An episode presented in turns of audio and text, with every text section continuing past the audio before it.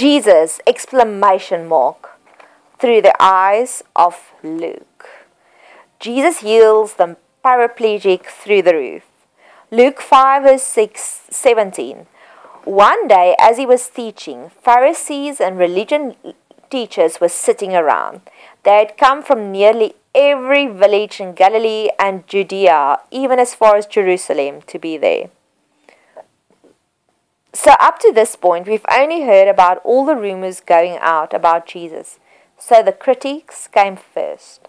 I'm sure God told Jesus in his alone time that this will happen. Please, Lord Jesus, warn us beforehand when we will attract the critics in our life so that we can be prepared. We attract crowds as we walk closer to God. Luke 5, verse 20. Seeing the demonstration of their faith.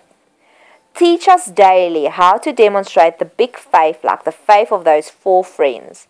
We know that only faith can impress you, so please teach us daily new ways of showing and manifesting this big faith that impresses you. I know that you, Lord Jesus, have storerooms full of inspiration for us to demonstrate big faith, the faith that actually impresses you. Please teach this to us. Just like a romantic movie where the hero at the end of the movie demonstrates this big gesture of romance, I want to do it for you. I want to rom- demonstrate the big romantic gestures of faith. Please inspire me.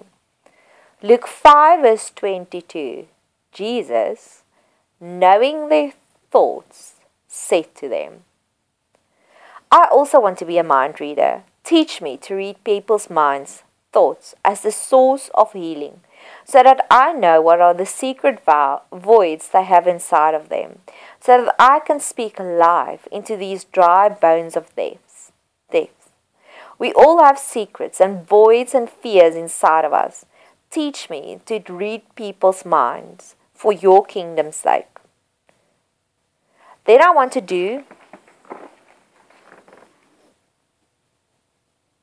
a quick study on the different suddenlies in the Bible. I have picked up with the previous leper healing and the healing of the crippled man that it was different two suddenly words used in Greek. So I would like to do a study on these words. The first one used with the leper is parakrima, with a paraplegic person. So the root of this word had me scratching my head for a while. So I did some laundry while playing around with the significance of this word. Para means close, nearby, aside. And krima means riches and wealth. I know, hey? How do these words combine and then form suddenly. This got me thinking, something I might go and do prophetically this afternoon. In the magic company, there were these machines that when you throw a coin into it, the coin will drop on a drawer. The drawer filled with other coins will then push it forward, and then some random lucky person will receive all the overflowing coins. This is how I see prayers do. Sometimes we have to throw quite a few coins into it for to overflow and we strike it rich. Then we have a suddenly. I have seen it countless times in my journey of a prophetic intercessor. Sometimes I will pray for months with no results, and then all of a sudden I will strike it rich, just harvesting all this abundance of manifested praise. The second suddenly that was used with the leper. The base of basis of this word is straight. So it's not a roller coaster kind of road or journey. It was just straight. The shortest distance between a point A and point B. No detours, no stops, just straight. Like the flying crow. If you measure the distance between two points, not following a crooked road, but like the crow is flying, so maybe this is also a prayer proclamation that we can proclaim over our life. We do not want to walk around the same mountain for years. We want to reach our destination quickly, like the leper.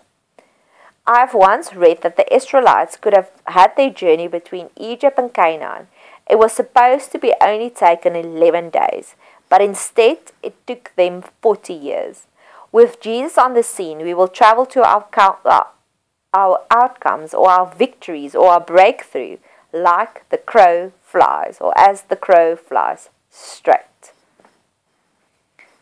Luke 5 verse 26 And overwhelming astonishment and ecstasy seized them, and they recognized and praised God and thanked God. This was after Jesus healed the paraplegic. I proclaim and declare that you will give a moment like this daily, this wow ye moment on all different ways. Sometimes it will be in the form of an instant healing. Other times in how you send the right messages just on the right times. Other times a miraculous event, a defying gravity moment other times by allowing me to soak up your presence in a different, new fashion. A holy, sacred moment daily, a, a moment of astonishment. The end for this one.